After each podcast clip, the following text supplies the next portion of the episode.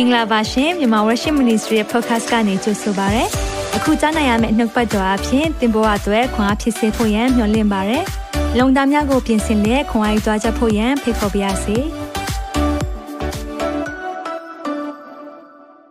Good morning, good afternoon, good evening ပါလို့ရောက်စီတိုင်းကိုနှုတ်ဆက်ပါရနော်။အသင်းတော်လို့ပြောတဲ့အခါမှာကျွန်တော်တို့ကအဆောက်အုံပဲပြည့်ပြည့်ပြီးမြင်တတ်တယ်။ sign board ကိုပဲသွားသွားမြင်တတ်တယ်။တကယ်တော့အသင်းတော်ဆိုတာခရစ်တော်ဦးကောင်းနော်ဦးကောင်းဖြစ်နေရမယ် ခရစ်တော်ဟာဥကောင်းဖြစ်ပြီးတော့ကျန်တဲ့အရာအလုံးဟာကျွန်တော်ကိုယ်လက်အင်္ဂါများဖြစ်တယ်။ဒါကြောင့်မလို့ခရစ်တော်တည်ဟူသောဥကောင်းနဲ့ချိတ်ဆက်နေတဲ့နေရာအသင်းတော်ဖြစ်တယ်။နေရန်လေးဖက်အပြင်ကိုအသင်းတော်ဟာရှိတယ်ဆိုတာကိုဒီနေ့သက်သေပြနေတယ်။ဒါကြောင့်မလို့ပါဝင်တဲ့သူအားလုံးဖျာရှင်နာမ၌ကောင်းချီးပေးပါတယ်။ဒီနေ့နှုတ်ပတ်တော်ကိုကျွန်တော်တို့မခံယူခင်မှာဝန်ခံချက်တစ်ခုကိုကျွန်တော်လှုပ်စိတ်ခြင်းနဲ့ခါတိုင်းဝန်ခံနေကြ အရာမဟုတ်တော့ဘူးအသစ်တစ်ခုလေးကျွန်တော်ဝန်ခံစီခြင်းနဲ့119ခုမြောက်သောစာလံထဲကပဲဖြစ်တယ်အပိုင်ငယ်82ကိုကျွန်တော်တို့အတူတူကရွတ်ဆွေအောင်တင်းနှစ်သုံးနှုတ်တော်ထွက်တရားတော်သည်ရွှေငွေအထောင်တောင်းထက်မကအကျွန်ုပ်၌သာ၍ကောင်းပါ၏တစ်ခေါက်လောက်တစ်ခေါက်လောက်ပြောပါဦးနှုတ်တော်ထွက်တရားတော်သည်ရွှေငွေအထောင်တောင်းထက်မကအကျွန်ုပ်၌သာ၍ကောင်းပါ၏အာမင်ဘုရားရဲ့နှုတ်တော်ထွက်စကားဟာ ကျွန်တော်တို့ရွှေတွေငွေတွေမြင်နိုင်တဲ့အရာထက်ပိုပြီးကောင်းတယ်တဲ့။အဲကြောင့်မိတ်ဆွေဒီရဲ့နှုတ်ကပတ်တော်ရတဲ့အခါမှာရွှေငွေနဲ့ဝယ်ယူလို့မရတဲ့ကောင်းကြီးများခံစားရပါစေ။ခဏလောက်စက္ကန့်နဲ့ပါမယ်။သက်ရှင်သောထာဝရမြတ်စွာသောဘုရားသခင်နာမတော်ကိုအထူးချီးမွမ်းတယ်။ဒီနေ့ကိုရောကိုချစ်တဲ့မိသားစုများဒီနေ့ရောက်ရှိနေပြီဖြစ်ပါတယ်။နှုတ်ပတ်တော်ခံယူဖို့ရန်အတွက်အစဉ်သင့်ရှိနေပြီဖြစ်ပါတယ်။နှလုံးသားအသီးသီးကိုယေရှုနာမနဲ့ကောင်းချီးပေးတယ်။ကျွန်တော်နှလုံးသားထဲမှာကိုရောရဲ့နှုတ်ပတ်တော်မျိုးစိကြပြီးတော့အပင်ပေါက်လျက် အသီးအပွင့်များနဲ့ကိုရောရဲ့ဘုန်းတော်နာမတော်ထင်ရှားဖို့အကြောင်းဖြစ်ပါစေအစီအစဉ်ကိုနှောက်ယှက်ပေးမယ့်အရာဝိညာဉ်စိုးရဲ့လုပ်ရအားလုံးယေရှုနာမ၌တားဆီးဖယ်ရှားပါ၏တန်ရှင်သောဝိညာဉ်တော်ဖျားရဲ့အုပ်ဆိုးခြင်းလမ်းပြခြင်းနဲ့ပို့ဆောင်ခြင်းကိုလိုအပ်ကြောင်းဝန်ခံပါတယ်ဒါကြောင့်တန်ရှင်သောဝိညာဉ်တော်ဖျားတရားမှတရားကိုရောလက်ဝဲ၌ပုံအပ်ပါတယ်အစီအစဉ်အစလည်းဆုံးကိုရောပါရှိလျက်ကောင်းချီးပေးပါသခင်ယေရှုရဲ့မြတ်သောနာမ၌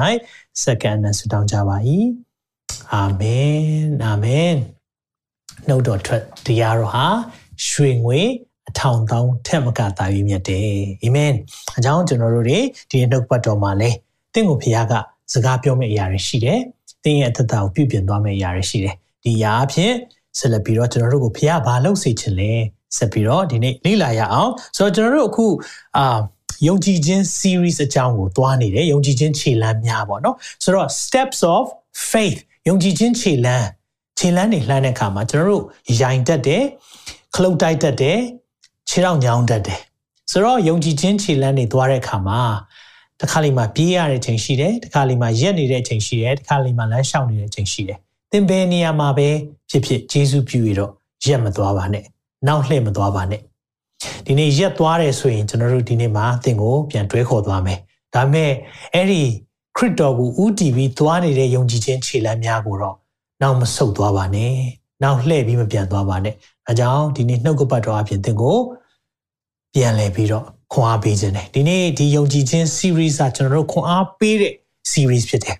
အဲကြောင့်သင်ရဲ့ယုံကြည်ခြင်းမယိုင်လဲသွားဖို့ဝိညာဉ်တော်ဘုရားကသင်ကိုအထူးမှားစားပါစေဆိုတော့ကျွန်တော်တို့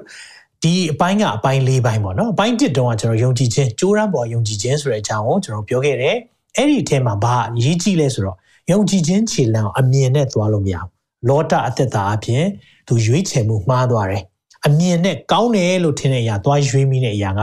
ဒုက္ခရောက်သွားတယ်ဒါကြောင့်ယုံကြည်ခြင်းကိုကျွမ်းကျင်မှုနဲ့လည်းသွားလို့မရကိုသင်ထားတယ်တတ်တယ်မိဘတွေတောင်းတယ်ဆွေမျိုးသားချင်းတွေငွေကြေးရှိတယ်ဒီအရာနဲ့ကျွန်တော်သွားလို့မရဘူးဒါကိုကျွန်တော်နားလည်ဖို့ဖြစ်တယ်ဒါကြောင့်ဒီနေ့ယုံကြည်ခြင်းခြေလှမ်းကိုကျွမ်းကျင်မှုနဲ့သွားလို့မရဘဲနဲ့ကျွမ်းဝင်မှု သခင်နဲ့ကျွမ်းဝင်ခြင်းယဉ်နီးခြင်းဖခင်ရဲ့မျက်မှောက်တော်နဲ့ပဲသွားလို့ရတယ်ဆိုတော့ကျွန်တော်တို့လေ့လာခဲ့ပြီ။ Now အပိုင်းနှစ်တုန်းကကျွန်တော်ဗာလေ့လာခဲ့လဲဆိုတော့အကြာအမြင်နော်အကြာဆိုယုံကြည်ခြင်းဆိုတာအမြင်ကနောက်မှလာရမယ်။အကြာဖခင်ရဲ့နှုတ်တော်ထွက်စကားတွေကိုကြားတဲ့အခါမှာယုံကြည်ဖို့ဖြစ်တယ်။ဒါနဲ့ပတ်သက်ပြီးတော့ကျွန်တော်တို့မြက်ကန်းနှစ်ဦးရဲ့ဥပမာအပြင်ကျွန်တော်လေ့လာခဲ့တယ်။ဖခင်ကိုကျွန်တော်တို့ပြောခြင်းတဲ့အရာယုံကြည်ခြင်း ကိုယ့်ထဲမှာတကယ်ယုံကြည်တဲ့အခါမှာဖျားစီမှာအော်ဟစ်တယ်တောင်းလျှောက်တဲ့အခါမှာရဲရင်စွာနဲ့တိုးဝင်တယ်ဇွဲရှိရှိတောင်းတဲ့အခါမှာတော့တိတိကျကျတောင်းတဲ့အခါမှာဖျားအဖြစ်ပေးတယ်ဒီအကြောင်းကိုကျွန်တော်တို့လေ့လာခဲ့ကြတယ်အရင်ပြီးခဲ့တဲ့ထုတ်လွှင့်ချက်မှာဆီယမမန်စီကနေ အဲတမိုင်းတွင်တဲ့ယုံကြည်ခြင်းဆိုပြီးတော့နာအိုမီနော်မီနဲ့ရုသအကြောင်းကိုကျွန်တော်တို့ကိုပြောပြခဲ့တယ်အဲ့ဒီနှုတ်ပတ်တော်ထဲမှာဆိုရင်တော့ဘုရားသခင်ကိုကိုးစားရမယ့်အကြောင်းရွေးချယ်မှုရွေးချယ်မှုเนาะဒီနေ့ရုသ ချွေးမနှစ်ယောက်ရှိတယ်နော်မီမှာဒါပေမဲ့အဲ့ဒီနှစ်ယောက်ထဲမှာတစ်ယောက်ကရွေးချယ်မှုမှားသွားတယ်ရုသကတော့ကိုရောဖျားကျွန်တော်ဖျားဖြစ်မယ်အာမင်ကိုရောဖျားကိုရောသွားတဲ့နေရာကျွန်မလိုက်ပါမယ်တကယ်လိုက်ပြီးတော့သွားတဲ့အခါမှာတော့သခင်ယေရှုမွေးဖွားလာတဲ့မျိုးဆက်ထဲမှာနော်နာမည်စင်းပါခွင့်ရတယ်ဟာလေလုယာဒါကြောင့်မလို့သင်ဟာယုတ်တုစင်တုကိုးကွယ်တဲ့သူဖြစ်ပါစေအသက်ရှင်တဲ့ဖခင်ကိုမသိတဲ့ အတိုင်းဝိုင်းကပဲလာပါစေသင်ခရစ်တော်ကိုရွေးချယ်မယ်ဆိုရင်သူသဖြင့်သင်ရဲ့ရွေးချယ်မှုကသင်ကိုရွေးချယ်သွားလိမ့်မယ်ဟာလေလုယာဒီအားဖြင့်သင်ကိုခွန်အားရခဲ့တယ်ဒီနေ့မှာတော့ကျွန်တော်အပိုင်းလေးအနေနဲ့စိတ်စိတ်နေပါ stay quiet ဆိုတဲ့အကြောင်းပြောချင်ပါတယ်ဆိုတော့ယုံကြည်ခြင်းခြေလှမ်းများရဲ့အပိုင်းလေးစိတ်စိတ်နေပါတော့ဆရာအရင်ပတ်ဒီတော့ကပဲဆရာအော်ပါလို့ပြောတယ်ရေးရေးရင်ရင်အော်ပါဒီတစ်ပတ်ကျတော့ဘာကြောင့် စိတ်စိတ်နေပါဖြစ်သွားတာလဲဒီနေ့ယုံကြည်ခြင်းနဲ့ပတ်သက်ပြီးသခင်စီမှာတော့အော်ဟစ်တာကိုကျွန်တော်တို့ကအော်ရမယ်ဒါပေမဲ့ဘယ်အရာတွေစိတ်စိတ်နေရမလဲဆိုတော့သင်နှုတ်ကထွက်တဲ့စကားတွေမှာယုံကြည်ခြင်းကိုစန့်ကျင်တဲ့စကားလုံးတွေကိုပိတ်ပြရမယ်အာမင်ပြန်ပြောမယ်နော်ယုံကြည်ခြင်းနဲ့စန့်ကျင်တဲ့စကားလုံးတွေအနှုတ်လက္ခဏာစကားလုံးတွေအဲ့ဒီအရာတွေကိုကျွန်တော်တို့ကစိတ်စိတ်နေရမယ် အဲကြောင့်ဒီရဲ့နှုတ်ကပတ်တော်ကိုကျွန်တော်ကစိတ်စိတ်နေပါလို့ခေါင်းစဉ်ပေးထားတယ်ဒီအကြောင်းနဲ့ပတ်သက်ပြီးတော့ကျွန်တော်တို့ယောရှုမှတ်စာအခန်းကြီး6ထဲကအကြောင်းအရာကိုလေ့လာသွားမယ်အဲ့ဒါကတော့ယေရီခေါမြို့ကိုအေဒီလာလူမျိုးတွေယောရှုဥဆောင်တဲ့အဖွဲ့တွေကဝင်ရောက်သိမ့်ပိုက်တဲ့အကြောင်းလေးကိုကျွန်တော်တို့လေ့လာတာဖြစ်တယ်ဆိုတော့ဒါနဲ့မစခင်မှာကျွန်တော်စိတ်စိတ်နေပါเนาะစိတ်စိတ်နေပါဆိုတဲ့အရာလေးနဲ့ပတ်သက်ပြီးတော့ကျွန်တော် အဖြစ်အပျက်တစ်ခုကိုပြောပြချင်တယ်ဆိုတော့ကျွန်တော်က musician ဖြစ်တဲ့အခါမှာအာမကြာခဏကျွန်တော်တို့ကတီးဝိုင်းနေမှာနော်တီးခတ်တဲ့အခါမှာဆိုရင်ဘာကကျွန်တော်တို့ကိုဟိုအနှောက်ယှက်ပေးတတ်လဲဆိုတော့တစ်ခါလေးမှာကျွန်တော်တို့ကတီးဝိုင်းသားဒီအားလုံးကတံပြိုင်တီးတဲ့အခါမှာတစ်ခါလေးအရန်ကျေလှောင်တဲ့အခါမှာအနှောက်ယှက်ဖြစ်တယ်တစ်ခါလေးကျရင်အဲ့လိုကျေလောင်နေရနေစိတ်သွားတဲ့ချိန်ကျရင်အဲ့ဒီချိန်အရန်တန်ဖိုးရှိတယ် အဲ့ဒါဘာခေါ်လဲဆိုတော့ silent is golden တဲ့စိတ်စိတ်စိတ်နေခြင်းဟာရွှေပဲတဲ့ဆိုတော့အဲ့ဒီစိတ်စိတ်နေလိုက်တဲ့တစ်ချိန်လေးကအရန်ကိုလှပတဲ့အရာဖြစ်တတ်တယ်။အကြောင်းတစ်ခါလေးမှာကျွန်တော်တို့ဘဝမှာအသံမျိုးစုံကြားလိမ့်မယ်။အခုဆိုရင်တော့ Facebook မှာအသံမျိုးစုံကြားတယ်ဗီဒီယိုမျိုးစုံရှိတယ် TikTok မှာရှိတယ် YouTube မှာရှိတယ် တကဘာလုံးကမတိတ်ဆိတ်ဘူးအတန်မျိုးမျိုးကြားတယ်ဒီဘက်ကတိတ်ဆိတ်နေပြီဆိုကဘာအနောက်ချမ်းဆူညံတယ်ကဘာအနောက်ချမ်းတိတ်ဆိတ်နေကဘာအရှိချမ်းဆူညံတယ်ဒီຢာတွေအားလုံးကိုကျွန်တော်တို့က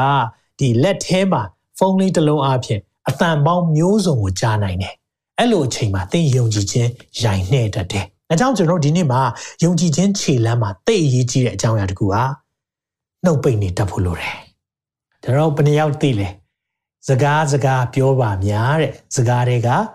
ဇာတိပြတယ်နော်။စကားပြောတာများသွားရင်ဇာတိတွေကပြလာတယ်နော်။ဆိုတော့ကိုဘယ်သူလဲဆိုတဲ့အရာစကားတွေပြောတာများရင်ထွက်လာတတ်တယ်။သူပြင်ကျွန်တော်တို့တို့ဟိုတောက်ကပတ်တော်ဝင်ငါရဟောပြောနေရတဲ့သူတွေဆိုရင်တအားဆင်ခြင်ရတယ်။ဘာကြောင့်လဲဆိုတော့ကျွန်တော်တို့တွေပြောမိတတ်တယ်နော်။ဒါကြောင့်ကျွန်တော်တို့ဖခင်ရဲ့ဝိညာဉ်တော်ရဲ့လမ်းပြခြင်းအမြဲလိုအပ်တယ်။ဆိုတော့ဒီနေ့အာ silent is golden ဆိုတာကျွန်တော်ပုံကိုတယောက်ကြောင့်ပြောပြခြင်းတယ်။သူ့နာမည်က John Cage လို့ခေါ်တယ်။ အဲ့ John Cage ကသချင်းတစ်ပုတ်ရေးတယ်။ဆိုတော့သူကအမှုပညာသမားဆိုတော့သချင်းတစ်ပုတ်က4မိနစ်နဲ့33စက္ကန့်ကြာတယ်။အဲ့သချင်းက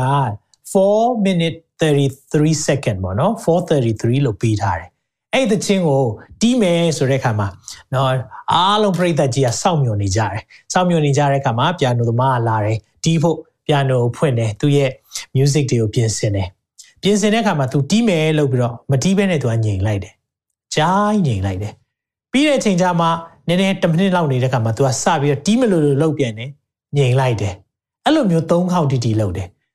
ပြီးလဲပြီးတော့4မိနစ်နဲ့33စက္ကန့်ကြာတဲ့အခါမှာ तू ကထပြီးတော့သချင်းပြီးသွားပြီတဲ့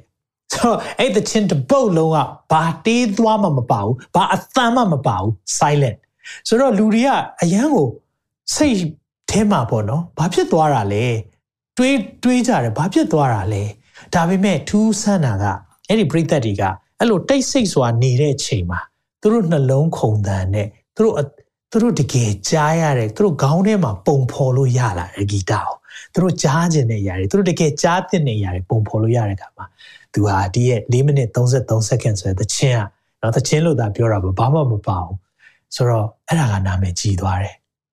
ဒါကြောင့် silent is golden တခါလေမှကျွန်တော်တို့စိတ်စိတ်နေတတ်ဖို့လိုတယ်အထူးသဖြင့်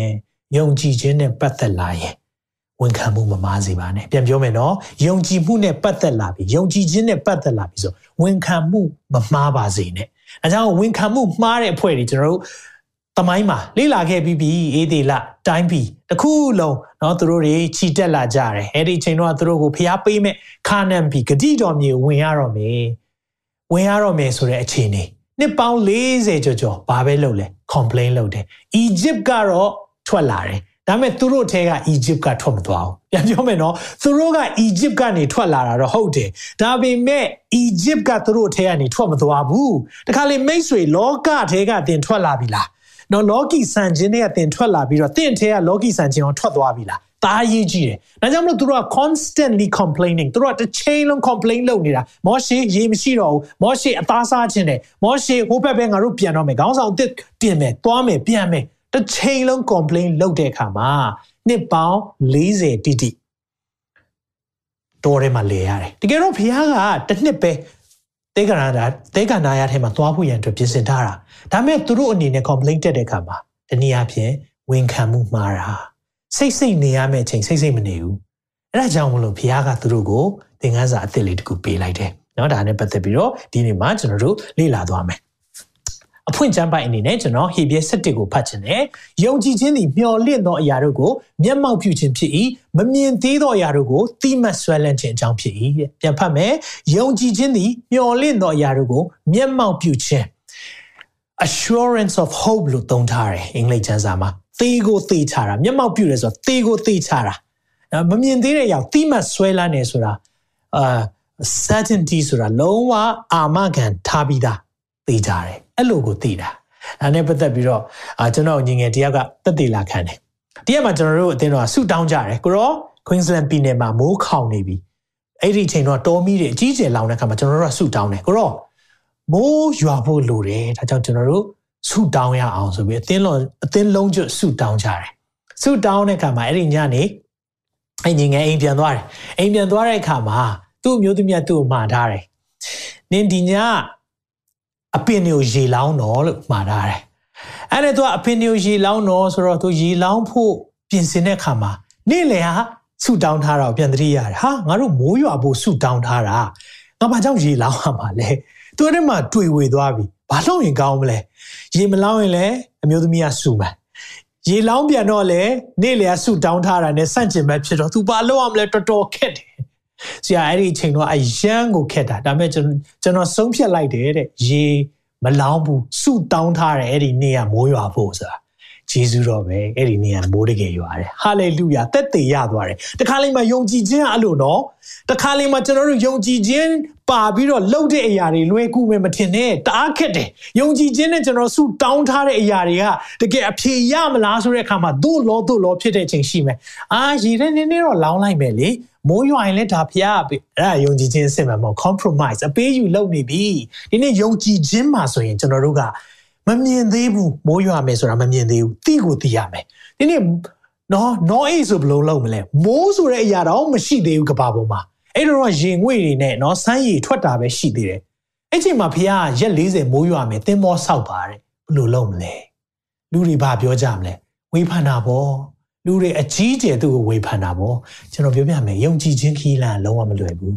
အဲကြောင့်ယုံကြည်ခြင်းခီးလန်းခီးလန်းကိုသွားတဲ့အခါမှာတချို့အရာလေးတွေကျွန်တော်သင်ယူဖို့လိုတယ်အဲ့ဒီထဲမှာဒီနေ့ကတော့စိတ်စိတ်နေတတ်ဖို့လည်းလိုတယ်ဘယ်ချိန်မှလဲကျွန်တော်တို့နှုတ်ပတ်တော်နဲ့လေ့လာရအောင်ယောရှုမတ်စာအခန်းကြီး6ထဲမှာပါတဲ့အကြောင်းအရာကိုကျွန်တော်လေ့လာရအောင်ယေရီခေါမြို့ကိုအောင်မြင်ခြင်းထို့အခါအေဒီလာမျိုးသားတို့ကြောင့်ယေရီခေါမြို့သည်ကြက်တေးစွာပိတ်ထားလေရှိ၍ ထွက်သောသူဝင်သောသူတစုံတယောက်မှမရှိသည်နှင့်အညီထာဝရဘုရားကကြည့်ရှုလောယေရီခေါမြို့ယေရီခေါမင်းကြီးနဲ့တကွာခွန်အားကြီးသောစစ်သည်တို့ကိုတင့်လက်နိုင်ငါအပ်လေပြီပေးပြီပြီတော့တဲ့အဲဆိုမင်းခွန်းတစ်ခုမေးပါဦးမယ်ဖခင်ကတင့်လက်ကိုအပ်ပြီလို့ပြောလားပြောပါတယ်ဒါဆိုရင်တယူဖို့ရောလိုသေးလားအိမ်မျိုးကိုလိုသေးတယ်ယုံကြည်ခြင်းဆိုတာ action ပါတယ် ယုံကြည်ခြင်းဆိုတာ action ပါတယ် action မပါရင်ယုံကြည်ခြင်းမစစ်ဘူးအဲကြောင့်ယုံကြည်ခြင်းရှိတယ်ဆိုပြီးတော့ဖျားပေးထားပြီးပြီလေဒီရဲ့ခါနန်ဘီယေရခေါမြို့ဆိုတာเนาะဒီခါနန်ဘီထဲကိုဝင်ဖို့ရန်အတွက်ပထမဦးဆုံးကြုံရတဲ့အခက်ခဲဒီနေ့ဖျားဂတိစကားတွေရှိထားပြီးတိုင်းကျွန်တော်တို့ကတခါလေးမှာ ဒီတိုင်းလက်ပိုက်ထိုင်နေဖို့လုံးဝမဟုတ်ဘူးကျွန်တော်တို့ဖက်ကနေလှုပ်ဆောင်ဖို့လိုတယ်အဲ့ဒီလှုပ်ဆောင်တဲ့သူကသာလေတကယ်စစ်မှန်စွာယုံကြည်တဲ့သူဖြစ်တယ်အဲကြောင့်မလို့ယေရီခေါမြို့ကိုတိမ့်ပိုက်ဖို့ဖျားစကားပြောပြီးအဲ့ဒီအချိန်မှာနော်မောရှေကနေယောရှုလက်ထက်ရောက်လာပြီမောရှေကယောရှုကိုလွှဲပေးလိုက်ပြီ ဂျန်တဲ့သူတွေနဲ့သူတို့ဆက်သွားတော့မယ်ဝင်ခွင့်ရှိတဲ့လူတွေနှစ်ပေါင်း40သူတို့တွေအတူတကွတေကနာမှာလဲပြီးခေါင်းဆောင်တဲ့နဲ့တွားသွားတော့မယ်ဂရီတော်မြေအဝကိုရောက်လာပြီနှစ်ပေါင်း900ကျော်အာဗြဟံကိုကြိုပြီးတော့အဲ့ဒီအချိန်ကနေစပြီးပြောထားတဲ့ဂရီတော်တွေရှိနေတယ်တင့်ကောင်ကကောင်းကြီးပေးမယ်မြေဘိုးဘေးတွေကိုကောင်းကြီးပေးမယ်မြေသူတို့ကသိနေတယ်ဒါ promise land ဖခင်ရဲ့ဂတိတော်မြေဖခင်ကောင်းကြီးပေးမဲ့မြေပေးမယ်ဆိုတာသိတယ် ယော်ရမြစ်တစ်ဖက်ကရောက်သွားပြီယေရခေါမြို့ဆိုတဲ့အဓိပ္ပာယ်က city of fragrance မွေးကြိုင်မြို့ဒါမှမဟုတ်ရင် city of moon လမင်းမြို့ဆိုတဲ့အဓိပ္ပာယ်ပေါက်တယ်ဆိုတော့သိမ့်ပိုက်ဖို့အစဉ်သင့်ဖြစ်နေပြီဒါပေမဲ့တိုက်ယူရသေးတယ်တိုက်ယူရသေးတယ်ယုံကြည်ခြင်းဆိုတာလေတိုက်ယူရတယ်တခါလေကျွန်တော်တို့ယုံကြည်ခြင်းခြေလမ်းနေတော့တခါလေကျွန်တော်တို့က action မပါတဲ့အခါမှာသူများဝေဖန်စရာဖြစ်တယ်တခါဆရာတယောက်က online မှာရေးလာတယ် ယုံကြည်ခြင်းနဲ့တိမ့်ပိုက်မယ်ကြီးပဲပြောနေကြတယ်တဲ့ယုံကြည်ခြင်းနဲ့ပေးကမ်းမယ်ဆိုတာလည်းမပြောဘူးလားတဲ့ဘာကြောင့်လဲဆိုတော့တချို့လူတွေကတိမ့်ပိုက်မယ်ဆိုတာကြီးပဲလုပ်နေပြီးတော့ကိုယ့်အတွက်ကြီးပဲလုပ်တဲ့အခါမှာသူများဝေဖန်စရာဖြစ်သွားတယ်အဲကြောင့်ယုံကြည်ခြင်းနဲ့ပေးကမ်းတဲ့သူလည်းဖြစ်ရအောင်ယုံကြည်ခြင်းနဲ့ချစ်တဲ့သူလည်းဖြစ်အောင်ယုံကြည်ခြင်းနဲ့ဖျားပြုမဲ့အရာတွေအတွက်မျှော်လင့်တော်သူလည်းဖြစ်အောင်ဟာလေလုယာအကြောင်းကျွန်တော်တို့ရဲ့အသက်တာမှာဘာလို့လဲဒီနေ့ယေရခေါမြို့ကြီးကိုမြင်တဲ့အခါမှာ ကျွန်တော်တို့ဒီချက်ကသိရေးကြည့်တယ်ဒီမှာတွေ့တဲ့အခါမှာပိတ်ထားလိုက်ပြီတဲ့ဖះပြောတယ်အငယ်သုံးမှာတို့ဖြစ်ဖြစ်မြို့ကိုလှည့်ပတ်ရမည်အေဒီလာစစ်တီအပေါင်းတို့သည်6ရက်ပတ်လုံးလှည့်ပတ်ခြင်းမှုကိုပြုရမယ်ကဲပတ်မယ်တဲ့အိမ်မြို့ကိုယုံကြည်ခြင်းနဲ့တိမ်ပိုက်တာပတ်ပြီးတော့တိုက်တိမ်ပိုက်မယ်အဲ့ဒီအရာလေးကြည့်တဲ့အခါမှာနံပါတ်1ချက်သိရေးကြည့်တဲ့အရာဘာလဲဆိုတော့ဖះအမြင်နဲ့လူအမြင်ကွာခြားတယ်ဆိုတာကျွန်တော်နားလည်ဖို့လိုတယ် ဖျားမြင်နဲ့လူမြင်လုံးဝကွာတယ်နှုတ်ပတ်တော်ထဲမှာဟေရှာ55မှာဗာပြောလဲငါအကျင့်ဟာတင်းတို့အကျင့်ထက်မြင့်တယ်တဲ့ငါရဲ့အကြံစီတင်းတို့အကြံစီတဲ့ပို့ပြီးတော့ကြီးမားတယ်တဲ့ဖျားကပြောပြီးပြီအဲကြောင့်ဖျားကြံစီနဲ့လူကြံစီမတူဘူးကျွန်တော်တို့ကဗာမြင်လဲရေခေါမျိုးဆိုပိတ်ဆို့နေတယ်လမ်းပိတ်သွားပြီဖျားလို့တော့မရှိဘူးထင်တယ်လို့ထင်လိုက်မယ်ဒီလိုမျိုးပိတ်ဆို့မှုသာကြုံပြီဆိုရင်တော့ကျွန်တော်တို့ကသွားပြီးငါတို့နဲ့မဆိုင်ဘူးလို့ထင်လိုက်မယ်ဒီနေ့ကျွန်တော်နားလဲစီခြင်းတယ်ကြီးမားတဲ့အတားစီဟာ ကြီးမားတဲ့အောင်မြင်မှုကိုပြညွှန်လေးရှိတယ် hallelujah the bigger the mess the bigger the message နော်တခါလေကျွန်တော်တို့ကကြီးမားတဲ့အောင်မြင်မှုလာတာကိုတော့လိုချင်တယ်ကြီးမားတဲ့အောင်မြင်မှုတော့ရချင်တယ်ဒါပေမဲ့ကြီးမားတဲ့စုံစမ်းခြင်းတွေကြီးမားတဲ့အတားအဆီးတွေလာရင်ကျွန်တော်တို့ကတွေးပြက်ပြီးစိတ်ညစ်ပြီး complaint တက်ပြီးဘုရားကိုညှိတွားပြီးမိတ်ဆွေအဲ့ဒါကြောင့်ကျွန်တော်တို့ကအောင်မြင်တင့်တယ်လို့မအောင်မြင်တာအဲကြောင့်ကျွန်တော်တို့ကြီးမားတဲ့အတားအဆီးရှိမှရှိနေပြီ နောက်တချို့လူတွေဝန်ခံမှုမှားနေတဲ့အရာတွေရှိတယ်ဒီနေ့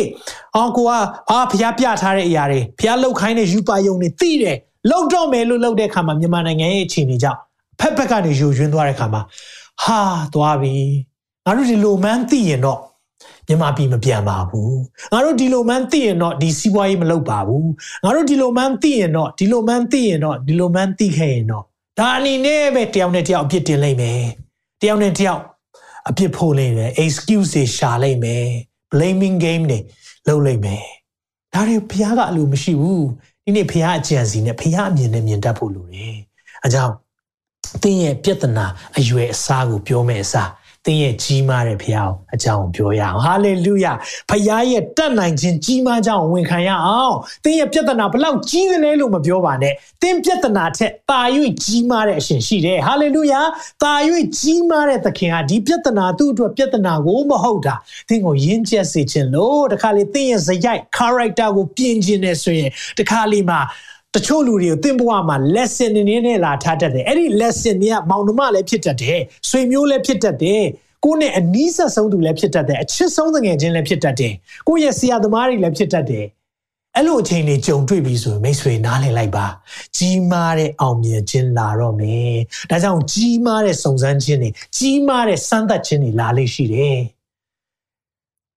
ကျွန်တော်တို့မြန်မာ worship စတဲ့အချိန်မှာကြီးမားတဲ့အရာတွေအများကြီးတွေ့ရတယ် လွန်ခဲ့တဲ့ကျွန်တော် MWTV စမယ်လို့တဲ့အချိန်မှာကျွန်တော်အမှုတော်ဆောင်လောကကနေတောင်နားကျင်တဲ့အချိန်အထိကိုကျွန်တော်မျက်နှာပြက်စရာတွေဖြစ်ခဲ့တယ်ခြေနေနေဒါပေမဲ့အဲ့ဒီအခြေအနေတွေကနေဘုရားဒီနေ့ပို့ဆောင်တယ်။ဘာကြောင့်လဲ။ဘုရားကြီးမားစွာအမှုလုပ်တော့မဲ့အချိန်မှာလေဘုရားသူနဲ့အလုပ်လုပ်လို့မရတဲ့လူတွေဖယ်ပေးတတ်တယ်။စိတ်မပြတ်နဲ့လိုက်ရှာမနေနဲ့လိုက်သွားပြီးခေါ်မနေနဲ့လိုက်ချော့မနေနဲ့အဲ့ဒီလူတွေ။ဘာကြောင့်လဲ။ဘုရားဖယ်ပေးတဲ့လူဆိုဘုရားဖယ်ပေးတာအကောင်းဆုံးဖြစ်တယ်။ အာမင်။လူတွေကိုမချစ်ဘူးလို့မပြောရဘူးเนาะ။ချစ်တယ်ဒါပေမဲ့ဘုရားကတချို့လူတွေနဲ့အလုံးလုံးလူမရှိဘူး။တချို့လူတွေနဲ့တင့်ကိုလှုပ်လှုပ်စေခြင်းတဲ့အခါမှာတချို့လူတွေကို blessing တွေနဲ့လာစေတယ်ချို့လူတွေတော့ lesson အနေနဲ့ထားတတ်တယ် hallelujah ဒါကြောင့်ကျွန်တော်တို့ကြီးမားတဲ့ဖျားမြင်တဲ့လူမြင်တဲ့ကွာဟတ်တဲ့အခါမှာဒီနေ့ကြီးမားတဲ့ပိတ်ဆို့မှုတွေဟာဂျေရီခေါမြို့ဘလောက်မြို့ရိုးကကြီးတယ်လဲဆိုအဲ့မြို့ရိုးပေါ်မှာမြင်းယထာစီးလို့ရတယ် ဒီလောက်ကြီးမားတဲ့မြို့ရိုးခိုင်ခန့်တဲ့မြို့ရိုးဘလို့ဖြိုနိုင်မှာလဲလို့တင့်အနေနဲ့ထင်ကောင်းထင်မယ်ဒါပေမဲ့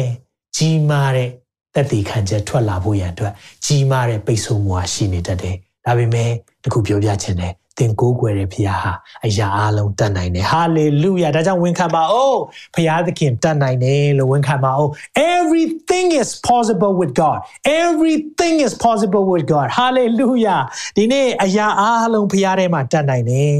ကျွန်တော်တို့ဒီနားလည်ဖို့လူတယ်ဒါကြောင့်ဖះကသူ့အကြံစီပိုပြီးမြင့်တယ်လို့ပြောတယ်နံပါတ်1အချက်ဖះစေခိုင်းတဲ့အရာကိုဆက်လက်လှုပ်ဆောင်ပါ နော်တခါလေအတားစီးတွေလာပိတ်ပြီးတခါလေဘာဆက်လုပ်ရမှန်းမသိတော့ဘူးဘယ်သွားလို့သွားရမှန်းမသိတော့တဲ့အချိန်မှာသင်ဘာကြားခဲ့တယ်လဲဖះကကြားကိုကိုပြောထားတဲ့စကားတွေဘုရားစီကကြားထားတဲ့အရာတွေဆက်လက်လုပ်နေဖို့လိုတယ်အာအတားစီးပိတ်သွားပြီကွာမလုပ်တော့ဘူးကွာကျွန်တော်လက်လျှော့ရှုံးပြီးတော့မှလားမလုံနဲ့မိတ်ဆွေယုံကြည်ခြင်းခီးလန်းဆိုတာလေမလွယ်ဘူးအဲ့လိုမလွယ်တဲ့အချိန်မှာတင့်ကိုနားလဲစေခြင်းနဲ့ဖျားစီခိုင်းတဲ့အရာဆက်လက်လှုပ်ဆောင်ပါ ဖျားစီခိုင်းတဲ့အရာကိုဆက်လက်လှုပ်ဆောင်ပါအဲ့ဒီမှာဘာတွေ့ရလဲကြည့်တဲ့အခါမှာ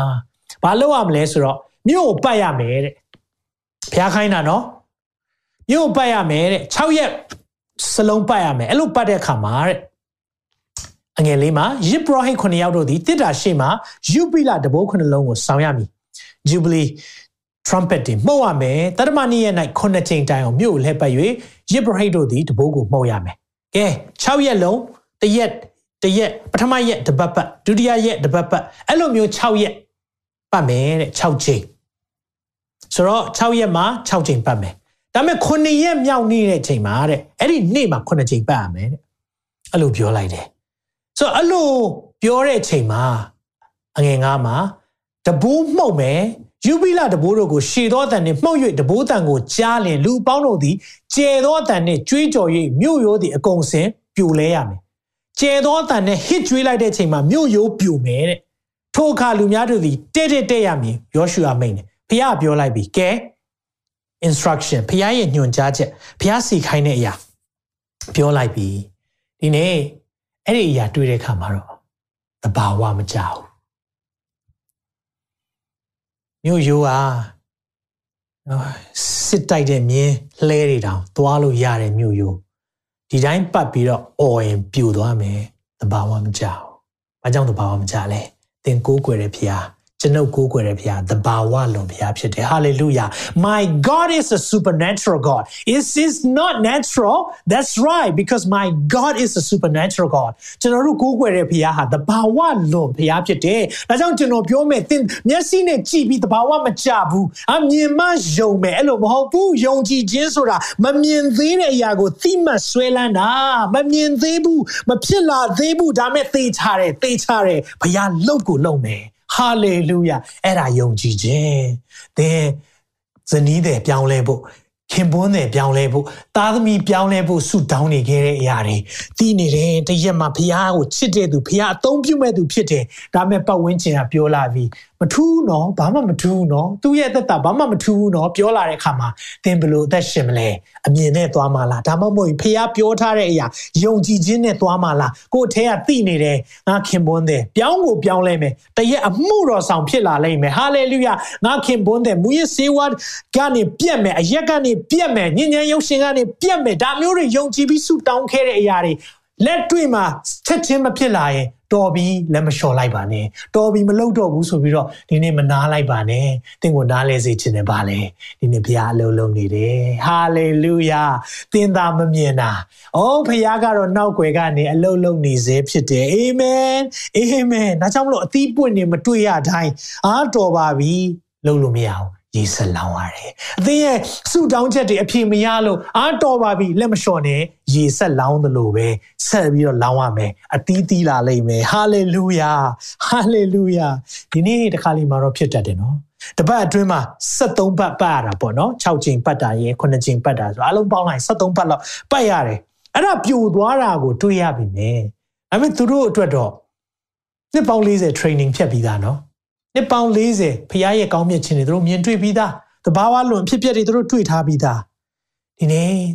လုံရုပ်တရက်ကြည်လိုက်မယ်ဆိုရင်တော့လွယ်တဲ့ရောင်ရောင်ပဲဟာသူတို့မျိုးကိုအားလုံးစုစုပေါင်း73ပတ်ပတ်ပြီးអော်ထဲလိုက်တော့ပြိုသွားတယ်လွယ်တဲ့ရောင်ရောင်ပဲယုံကြည်ခြင်းခီးလန်းမလွယ်ဘူးနော်နှစ်ပေါင်း40 training ဆင်းထားရတယ်နှစ်ပေါင်း40ဖခင်ရဲ့ပို့ဆောင်ခြင်းတွေမြင်တွေ့ရတယ်ဒါကြောင့်တစ်ခါလေးမှယုံကြည်ခြင်းခီးလန်းတယ်တချို့လူတွေလှုပ်သွားရင်လွယ်သလိုပဲဒါပေမဲ့ သူတို့ပေးဆက်ခဲ့ရတဲ့အရာလည်းမမေ့ဖို့လိုတယ်။ဒါကြောင့်ယုံရဲလားအဖြစ်မတွေ့ရသေးရောယုံရဲလား We live by faith not by sight we live by faith မျက်မှောက်မမြင်မဲယုံကြည်မျှော်လင့်နေ we live by faith not by sight hallelujah အတားအဆီးတွေရှေ့မှာရှိနေတယ်သူတို့ကတော့မလှုပ်ရှားသလိုဖြစ်ပေမဲ့ဘုရားသခင်ကတော့လှုပ်ရှားနေတယ် နောက်ွယ်ကနေဖះလှုပ်ရှားနေတယ်။သင်မြင်တွေ့ရတဲ့အရာမလှုပ်ရှားသလိုဖြစ်ပေမဲ့ဖះကတော့အမြဲတမ်းနောက်ွယ်ကနေလှုပ်ရှားနေတယ်။အာမင်။တခါလေမှအဖြေချက်ချင်းမရဘူး။ဘာကြောင့်လဲသိလား။သင်အတွက်ဖះပြင်ဆင်ထားတဲ့အရာအတွက်သင်ကိုဖះပြင်ဆင်နေတယ်။ဟာလေလုယာ။သင်အတွက်ဖះပြင်ဆင်ထားတဲ့အရာအတွက်သင်ကိုဖះပြင်ဆင်နေတယ်။သင်ကြံ့ခိုင်မှုရှိဖို့သင်ရဲ့ဒီအောင်မြင်ခြင်းတွေကို ကင်တွယ်တက်ဖို့ရန်အတွက်တင့်ကိုလေကြံ့ခိုင်ခြင်းစာမွဲတွေနှိမ်ချခြင်းစာမွဲတွေသူတစ်ပါးသစ္စာဖောက်ခြင်းစာမွဲတွေဖြေခိုင်းလိုက်မယ်ဖြေခိုင်းလိုက်မယ်အဲ့လိုဖြေခိုင်းတဲ့ကမှာစိတ်ရမကြနဲ့သင်ရှိမှာရှိနေတဲ့အတားစီကြောင့်လည်းမရက်သွားနဲ့ဆက်လက်ပြီးယုံကြည်ပါဟာလေလုယာဆက်လက်ပြီးတော့ဖခင်နဲ့သွားလာပါဒါကြောင့်မလို့နှစ်ကောငါအငယ်ခွန်မှာ we live by faith not by sight မျက်မှောက်မမြင်ပဲယုံကြည်မျှော်လင့်ခြင်းရှိသည့်တိုင်ငါတို့သည် ကျင့်ဆောင်ပြုမှုသည်ဖြစ်၍အာမင်ကျွန်တော်တို့အမြင်နဲ့သွားလို့မရဘူးယုံကြည်ခြင်းခီလန်အမြင်နဲ့သွားရင်တော့ကျွန်တော်တို့ဒုက္ခရောက်တတ်တယ်ကျွန်တော်မြင်နိုင်တဲ့အရာတအားကို limit ဆိုတာကျွန်တော်ကန့်သက်များတယ်ဒါပေမဲ့မမြင်နိုင်တဲ့အရာဒါကြောင့်နှုတ်ပတ်တော်ဘာပြောလဲ no eye has seen no ear has heard no mind has imagined ကျွန်တော်နော်မျက်စိနဲ့မမြင်သေးဘူးတဲ့နားနဲ့မကြားသေးဘူးတဲ့စိတ်နှလုံးနဲ့မကြံစီထားတဲ့အရာတွေဖခင်ကသူ့ကိုချစ်တဲ့သူတွေအတွက်ပြင်ဆင်ထားတယ်တဲ့ဟာလေလုယာတင်းအတွက်ဖခင်ပြင်ဆင်ထားတဲ့အရာအတွက်ဒီနေ့မှာလက်ခုပ်တီးလက်ဖခင်ကိုချီးမွမ်းပါအောင်တင်းအတွက်ဖခင်ပြင်ဆင်ထားတဲ့အရာအတွက်ကြိုးဆိုပါအောင်အာမင်တင်းကိုဖခင်အကောင်းဆုံးပြင်ဆင်ထားတယ်လို့ဝန်ခံပါကျွန်ုပ်ရဲ့ဘဝရှိရေးအတွက်ဖခင်အကောင်းဆုံးပြင်ဆင်ထားတယ်အာမင် the best is yet to come လို့ဝင်ခံပါအောင် the best is yet to come သင်ရဲ့ဘဝမပြီးသေးဘူးသင်ရဲ့အကောင်းဆုံးနေ့ရက်တွေသင်ရှိမှရှိနေသေးတယ်သင်အချိန်တွေငါငါရဲ့အကောင်းဆုံးအချိန်တွေငါရဲ့အချိန်တိုင်းတွေအားလုံးကတော့လူတွေအတွက်ပဲအားလုံးသွားပြီးတဲရဲရည်သွန်ဖြစ်ပြီးမဟုတ်ဘူးသင်ရဲ့အကောင်းဆုံးအချိန်တွေရှိမှရှိနေသေးတယ်သင်ရဲ့သင်အတွက်ဘုရားပြင်ဆင်ထားတဲ့အရာအတွက်သင်ကိုဘုရားပြင်ဆင်နေတယ်အာမင်အာ မင်ဟာလေလုယာဟာလေလုယာဒီရောက်တင်နားလဲဖို့လိုတယ်နံပါတ်3ချက်ဒါကိုယောရှုမဆာအခန်းကြီး6ထဲမှာတွေ့ရတယ်အဲ့ဒီမှာဖះဘာပြောလဲဒီနေ့ပြောလာပြီ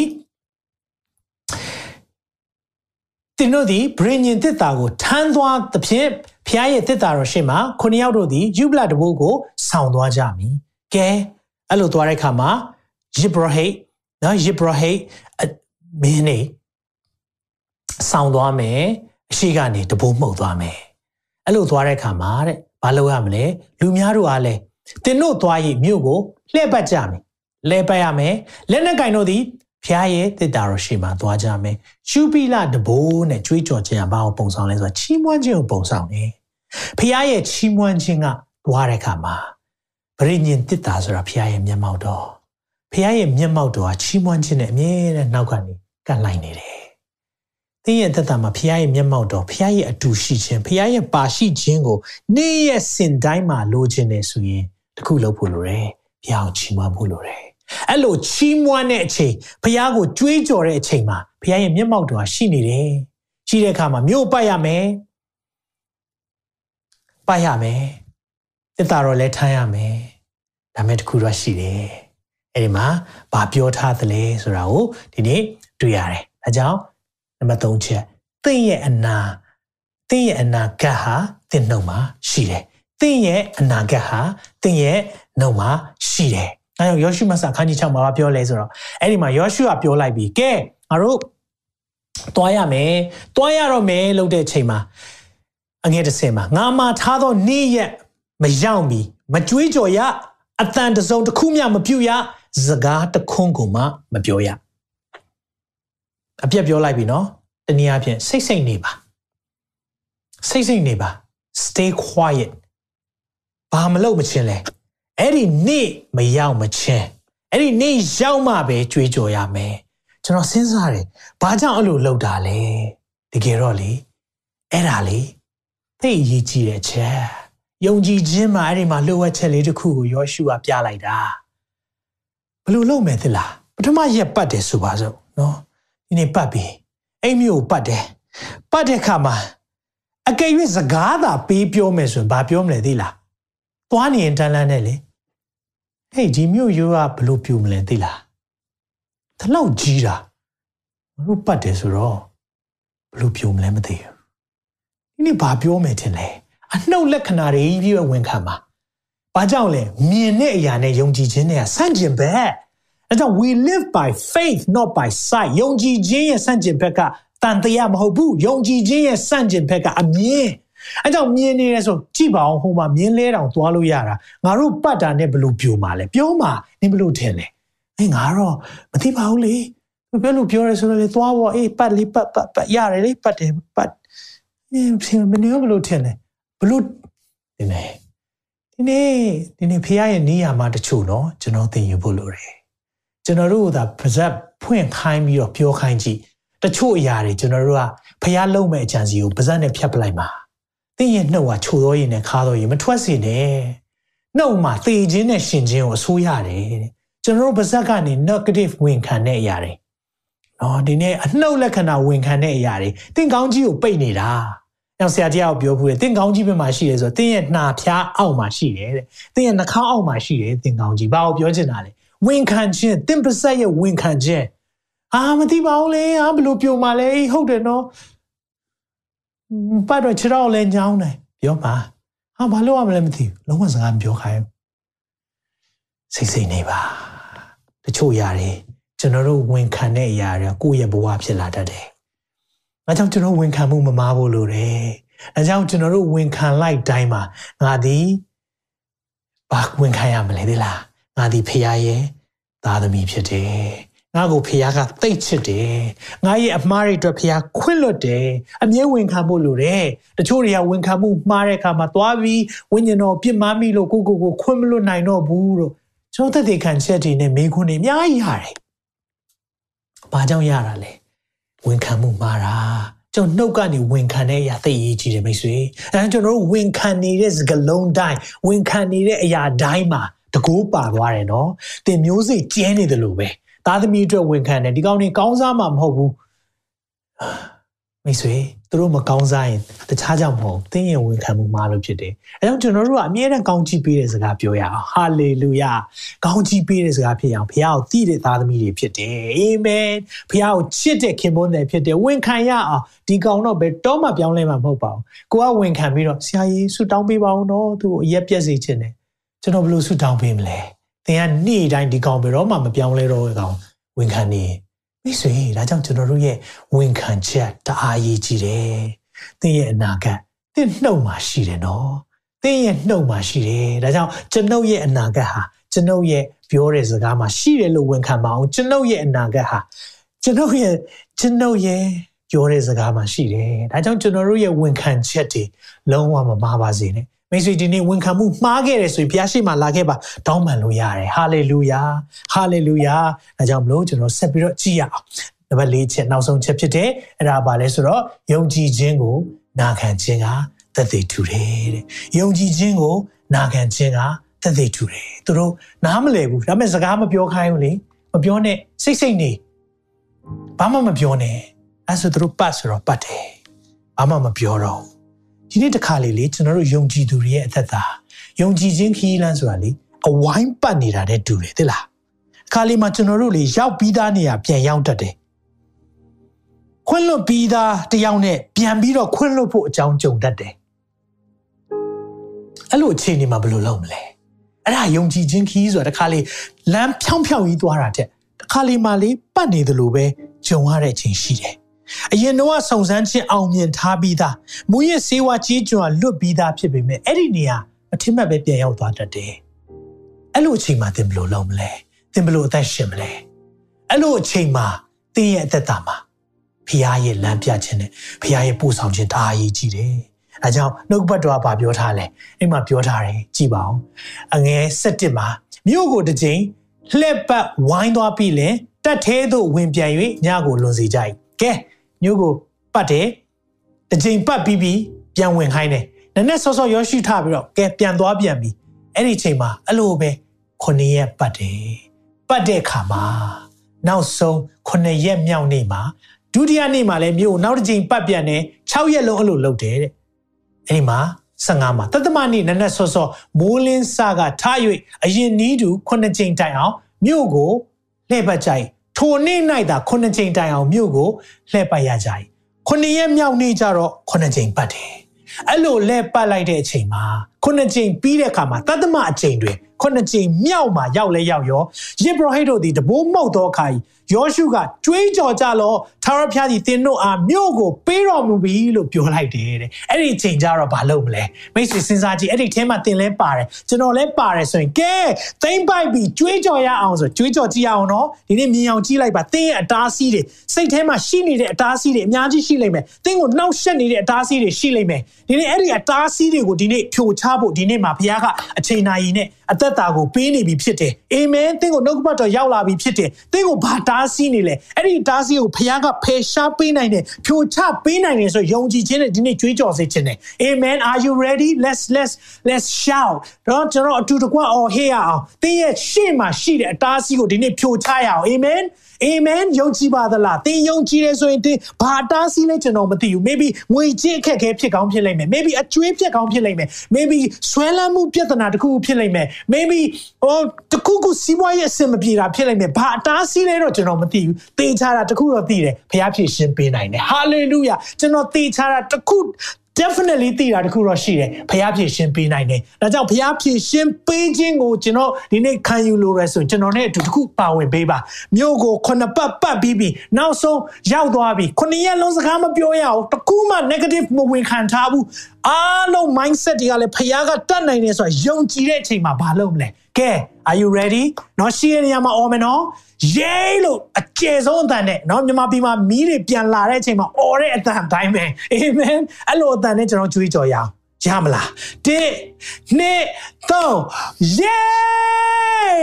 ဟာလေလုယာအားမရသေးဘူးเนาะအားမရသေးဘူးတချို့လူတွေကျွန်တော်တွေ့နေ Zoom မှာမအော်ဘူးယေလုံးနေတာမရဘူးအဲ့လိုနဲ့မပြိုသွားဘူးเนาะမျိုးရိုးတွေတကယ်ပြိုချင်တယ်ဆိုရင်တင်းရဲ့ခက်ခဲတွေအကုန်လုံးပြိုချင်တယ်ဆိုရင်ခုနှစ်ရက်လုံးစကားမပြောထားဘူးလေဟာလေလုယာဘာမှမဝင်ခံထားဘူးလေဝင်ခံမှုမမှားထားဘူးလေဆိုတော့ကျွန်တော်ပြန်ပြန်ပြီးတော့စူးစမ်းကြည့်အောင်เนาะ come on are you ready Do you believe that God can solve this problem? ယုံကြည်လားဖျားဖြေရှင်ပေးနိုင်တယ်ဖျားဖြိုချပေးနိုင်တယ်ယုံကြည်လား Amen ယုံကြည်တယ်ဆိုကျွန်တော်နဲ့အတူဝင်ခံရအောင် Are you ready အပြင်ထားပါ Okay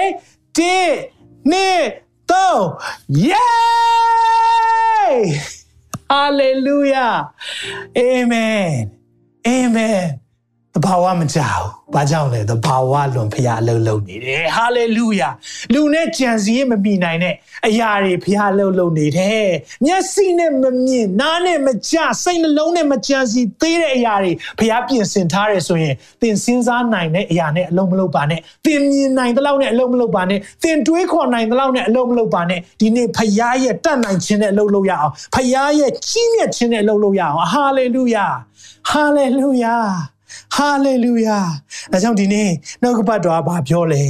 ဒီနေ့နှုတ်ကပတ်တော်ကကျွန်တော်တို့ကိုပြောတဲ့အရာသွန်သင်တဲ့အရာရှိတယ်ယောရှုမတ်စာ6မှာသူတို့အော်ပြီးတော့လှုပ်တဲ့ခါမှာတဲ့မြို့ရိုးအကုံစင်ပြိုကျသွားတယ်ဒါကိုဟေပြဲ7ထဲကဘလို့မှတ်တမ်းတင်ထားလဲဆိုဟေပြဲ7အငယ်30မှာယေရီခေါမြို့ကို9ရက်ပတ်လုံးဝိုင်း၍လှဲ့ပြီးမှ ယုံကြည်ခြင်းအားဖြင့်မြို့ရိုးသည်ပြိုလေ၏ဘာအဖြစ်ပြိုတာလဲယုံကြည်ခြင်းအားဖြင့်မြို့ရိုးပြိုတာဘာအဖြစ်ပြိုတာလဲယုံကြည်ခြင်းအားဖြင့်မြို့ရိုးပြိုတာဒီနေ့ဒီနေ့ကျွန်တော်တို့ယုံကြည်ခြင်းနဲ့မြို့ရိုးပြိုသွားတယ်လို့ကျမ်းစာပြောရင်ဒီနေ့ပြိုနိုင်လားပြိုတာဗောဟာလေလုယာဘလို့ဖះလှုပ်လှုပ်သွားလဲမသိဘူးဒါပေမဲ့သေချာတယ်တခုကတော့မြို့ရိုးပြိုကျသွားတယ်ဒီအချိန်မှာ Holy Land သွားပြီးကြည့်လို့ရတယ်အိမ်မြို့ရိုးတွေကျွံ့ကျနေတာဘာကြောင့်လဲ ဘုရားအလုံးလုံးထားတာသက်သေရှိတယ်အာမင်တဘာဝလွန်ဘုရားဖြစ်တယ်။ဒီနေ့ကျွန်တော်ကိုးကွယ်တာကမျက်စိရှိပြီးမမြင်နိုင်တဲ့ဘုရားမဟုတ်ဘူး။နားရှိပြီးမကြားနိုင်တဲ့ဘုရားမဟုတ်ဘူး။လက်ရှိပြီးတော့လက်မတိုးထိနိုင်တဲ့ဘုရားမဟုတ်ဘူး။အဲကြောင့်မိတ်ဆွေကိုအားပေးခြင်းနဲ့သင်ရဲ့အခက်အခဲတွေပြဿနာတွေအားလုံးယုံကြည်ခြင်းနဲ့ သွားပါအဲ့ဒီအရာအလုံးယုံကြည်ခြင်းနဲ့ဖြိုချလို့ရတယ်ဒါကြောင့်မလို့ယာကုပ်နှစ်အငယ်22မှာ222ယာကုပ်နှစ်အငယ်20နှစ်သုံးလုံးမှာဗာပြောလဲယုံကြည်ခြင်းသည်အကျင့်နဲ့အတူပြုပြင်၍အကျင့်အပြင်စုံနေတဲ့ကိုသိမြင်ရတယ်ဒါကြောင့်ယုံကြည်ခြင်းလို့ပြောရင် action ပါတယ် action ပါတယ်တချို့တွေယုံနေပြောပြီးမအော်ရင်မပြောဘဲနေကျွန်တော်တာဝန်မယူနော်ဒီနေ့သင်ရဲ့ပြဿနာတွေခက်ခဲတွေဖျားတာဝန်ယူစီခြင်းနဲ့ ပြိုစေခြင်းနဲ့ဆိုတင့်ဘက်မှာယုံကြည်ခြင်းနဲ့ action ပါဖို့လိုတယ်။ hallelujah hallelujah hallelujah အဲကြောင့်မလို့နာခံခြင်းအသင်အလုပ်ဖြစ်တယ်။ရလက်ကဖရားရဲ့အလုပ်ဖြစ်တယ်ပြောပါအောင်။နာခံခြင်းကကျွန်ုပ်အလုပ်ရလက်ကဖရားအလုပ်လို့ပြောပါအောင်။နာခံခြင်းကကျွန်ုပ်အလုပ်ရလက်ကဖရားရဲ့အလုပ်ဖြစ်တယ်။အာမင်။အဲကြောင့်ဟေဘရဲ30ဒါလေးပြောပြီးဆုံးသတ်မယ်။ ထို့ကြောင့်ကြီးစွာသောအကျိုးနှင့်ရှင်သောငါတို့၏ရဲရင်ခြင်းစိတ်ကိုမစွန့်ကြနဲ့ကြီးစွာတဲ့အကျိုးနဲ့ရှင်နဲ့ရှင်နဲ့ရဲရင်ခြင်းနဲ့နော်သင်ရဲ့ရဲရင်ခြင်းကြီးစွာသောအကျိုးရှိတယ်ဖခင်ရဲ့အလိုတော်ကိုဆောင်ပြီးမှဖခင်အလိုတော်ဝန်ခံရမယ်ဂတိတော်အတိုင်းအကျိုးကိုရမည်အကြောင်းဘုရားရဲ့ဂတိတော်အတိုင်းကျိုးဘာလို့ရှိရမလဲတီးခံခြင်းစိတ်ရှိရမယ်ဒီနေ့ယုံကြည်ခြင်းခီးလန်းမလွယ်ဘူးယုံကြည်ခြင်းခီးလန်းကကျွန်တော်တို့တစ်ခါလေမှသွားတဲ့အခါမှာရိုင်နှဲ့တတ်တယ် ချော်လဲတတ်တယ်ခြေထောက်ညောင်းတတ်တယ်တစ်ခါလေမှအဝိုင်းပတ်နေသလိုပဲเนาะမြန်မာနိုင်ငံမှာဆိုပိုတည်တယ်အဝိုင်းလဲနေတာဟုတ်လားဝိုင်းပတ်နေတယ်လို့ပဲဖြစ်ကောင်းဖြစ်လိမ့်မယ်ဒါပေမဲ့မိတ်ဆွေကိုနားလေစေချင်တယ်ဒီနေ့เนาะသွားနေရတဲ့ခီးမရောက်ဘူးလို့ခံစားရင်ဘုရားလှုပ်လှုပ်နေတယ်လက်မလျှော့နဲ့ဆက်သွားပါနံပါတ်6မှာရက်သွားတာမျိုးမဖြစ်ပါစေနဲ့သင်ရဲ့လိုချင်တဲ့အဖြေရောက်ဖို့နီးနီးလေးပဲနံပါတ်9မှာပြိုတော့မဲ့ဟာသင်နံပါတ်6မှာရက်သွားတယ်ဆိုရင်မိတ်ဆွေ ဒီနေ့သိနှမျောဖို့ကောင်းတဲ့အချိန်တွေဆူတောင်းခဲ့တဲ့အရာတွေပေးကမ်းခဲ့တဲ့အရာတွေသင်စိုက်ပျိုးခဲ့တဲ့အရာတွေနှမျောဖို့ကောင်းတယ်အဲကြောင့်ဆက်သွားရအောင်အဖြေမရမချင်းသွားရအောင်ဟာလေလုယာသင်ကိုဖိတ်ခေါ်တယ်အဖြေရတဲ့အထိသွားဖို့ရန်အတွက်ဖိတ်ခေါ်တယ်နံပါတ်6ကလူရဲ့နံပါတ်ဖြစ်တယ်နံပါတ်9ကဖျားနံပါတ်ပြည့်စုံခြင်းဖြစ်တယ်ဒီနေ့သင်သင်ရဲ့ကျူ6နဲ့9နဲ့က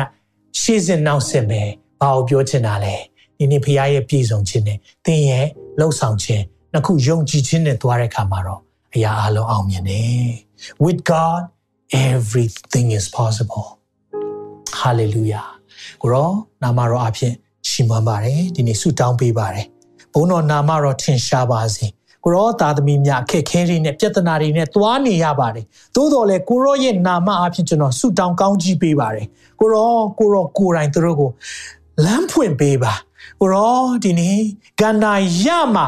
သွားတဲ့လမ်းလွင်ပြင်မှာစီးတဲ့ရေဖန်ဆင်းပေးနိုင်တာကိုတော့ဖြစ်တယ်။ဒါကြောင့်ဣသရေလနိုင်ငံကိုမြင်တွေ့တိုင်းသဲကန္နာရကြီးဟာစိမ့်လန်းဆူပြေတဲ့နေရာဖြစ်လာစေနိုင်တာကိုတော့ကြောင့်ဖြစ်တယ်အဲကြောင့်ယုံကြည်ပါတယ်ကိုတော့ဒီနေ့အမှုတစ်ကိုပြုမဲ့ဖခင်ဖြစ်ပူးသောအရာကိုမအောင်မေကြနဲ့ဟာလေလုယာအမှုတစ်ကိုငါပြုမယ်ယခုပေါ်လာလိမ့်မယ်သင်တို့ဒီအမှန်တွေ့ရကြလိမ့်မယ်တော၌လမ်းကို၎င်းလွင်ပြင်မှာစီးသောရေကို၎င်းငါဖန်ဆင်းမယ်လို့ဂတိပေးတယ်ဖခင် ကိုရောရဲ့ဂတိတော်ကိုဆွဲကင်လျက်လာပါတယ်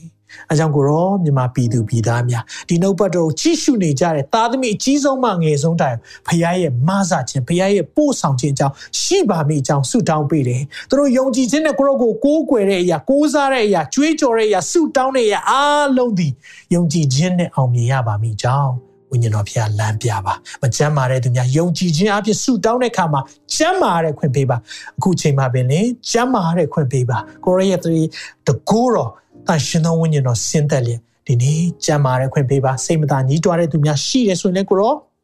ဒီချိန်မှာသူတို့အပေါ်မှာညင်သက်ခြင်းဖြစ်စေပါကိုဗစ်ကြောင့်မိသားစုဝင်ဆုံးရှုံးတဲ့သူများယောဂခံစားနေရတဲ့သူများရှိရဆိုရင်လည်းကိုရောရဲ့ကြမ်းမာခြင်းနဲ့ကိုရောရဲ့ကုသခြင်းဖြင့်ကိုရောရဲ့နှစ်သိမ့်ခြင်းနဲ့သက်ရောက်စေပါ ဒီနေ့နှုတ်ပတ်တော်အတွက်ကိုရောကိုအထူးကျေးဇူးတင်တယ်ပို့ဆောင်တဲ့အရာအတွက်အထူးကျေးဇူးတင်တယ်ကိုရောဒီနေ့စိတ်စိတ်နေဖို့ကိုရောခိုင်းတဲ့ချိန်မှာစိတ်စိတ်နေတတ်ပါမိကြောင်းမာစားပါအော်ခိုင်းတဲ့အချိန်မှာအော်တတ်ပါမိကြောင်းလဲကိုရောစီမှာတောင်းလျှောက်ဖို့လိုတဲ့ချိန်မှာလဲရဲရင်ဆိုတာတောင်းလျှောက်တတ်တော်သူများဖြစ်စေဖို့ရန်အတွက်မြင်တော်ဗျာမာစားပါမိကြောင်းတပါးရီတော်သားရမြတ်သခင်ရှုနာမ၌ဆုတောင်း၍စက္ကန့်နှံကြပါ၏ပါ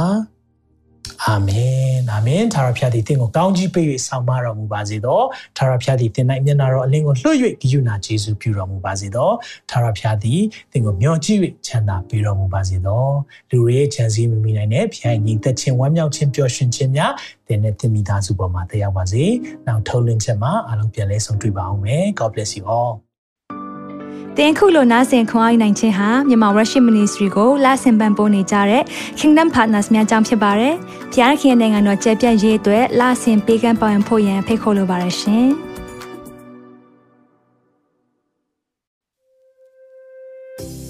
အခုကြားနာခဲ့ရတဲ့နှုတ်ပတ်တော်အဖြစ်ခွန်အားရရှိမဲ့လို့ယုံကြည်မျှော်လင့်ပါတယ်။ခွန်အားရဆိုလို့ရှိရင်ဒီတစ်ပတ်နဲ့ပြန်လည်ဝင်မြပေးဖို့ရန်တောင်းဆိုပါရစေ။ Myanmar Worship Ministry ရဲ့ website myanmarworship.com ကိုလည်းလာရောက်လေ့လာဖို့ရန်အတွက်ဖိတ်ခေါ်ချင်ပါတယ်။တချိန်ထဲမှာ Myanmar Worship Ministry ရဲ့ social media platform များဖြစ်တဲ့ Myanmar Worship YouTube Channel, Myanmar Worship Facebook Page နဲ့ Myanmar Worship Instagram များကိုလည်းလာရောက်လေ့လာဖို့ရန်အတွက်ဖိတ်ခေါ်ချင်ပါတယ်။နောက်တစ်ချိန်မှာပြန်လည်ဆုံတွေ့ကြပါစို့။ဖျားရှင်ကောင်းကြီးပေးပါစေ။